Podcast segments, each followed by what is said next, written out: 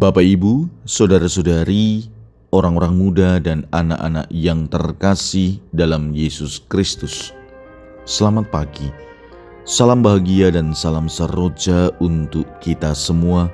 Berkah dalam bersama dengan saya, Romo Antonius Gerbito Pambuaji, menyampaikan salam dan berkat Allah yang Maha Kuasa dalam nama Bapa dan Putra dan Roh Kudus. Amin. Hari ini Senin 19 September dalam hari biasa pekan biasa ke-25. Bacaan pertama dalam liturgi hari ini diambil dari kitab Amsal bab 3 ayat 27 sampai dengan 34. Bacaan Injil diambil dari Injil Lukas bab 8 ayat 16 sampai dengan 18.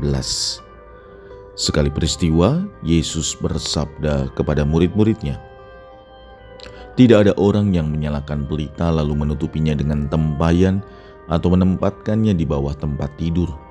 Tetapi ia menempatkannya di atas kaki Dian supaya semua orang yang masuk ke dalam rumah dapat melihat cahayanya. Sebab tiada sesuatu yang tersembunyi yang tidak akan dinyatakan dan tiada suatu rahasia yang tidak akan diketahui dan diumumkan. Karena itu perhatikanlah cara kalian mendengar karena barang siapa sudah punya akan diberi, tetapi barang siapa tidak punya apa pun yang dianggap ada padanya akan diambil. Demikianlah sabda Tuhan. Terpujilah Kristus. Tidak ada orang yang menyalakan pelita lalu menutupinya dengan tempayan. Tetapi ia menempatkannya di atas kaki Dian, supaya semua orang yang masuk ke dalam rumah dapat melihat cahayanya.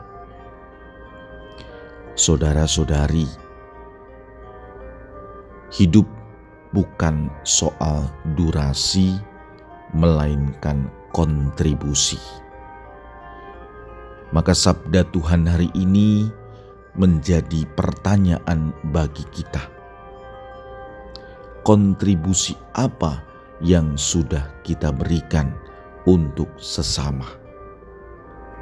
Bisa dimulai dari hal-hal sederhana, karena sekecil apa pun perbuatan kita, kalau itu baik dan benar, itu bagaikan seberkas cahaya yang menyinari hidup orang lain. Maka marilah kita terus berbuat baik, karena semakin sering kita berbuat baik, semakin besar cahaya iman kita, dan semakin banyak orang tercerahkan atau terberkati. Marilah kita berdoa. Ya Tuhan, semoga kami senantiasa dapat menjadi sinar, walau kecil tetapi terus-menerus dapat memberkati sesama. Berkat Allah yang Maha Kuasa dalam nama Bapa dan Putra dan Roh Kudus. Amin.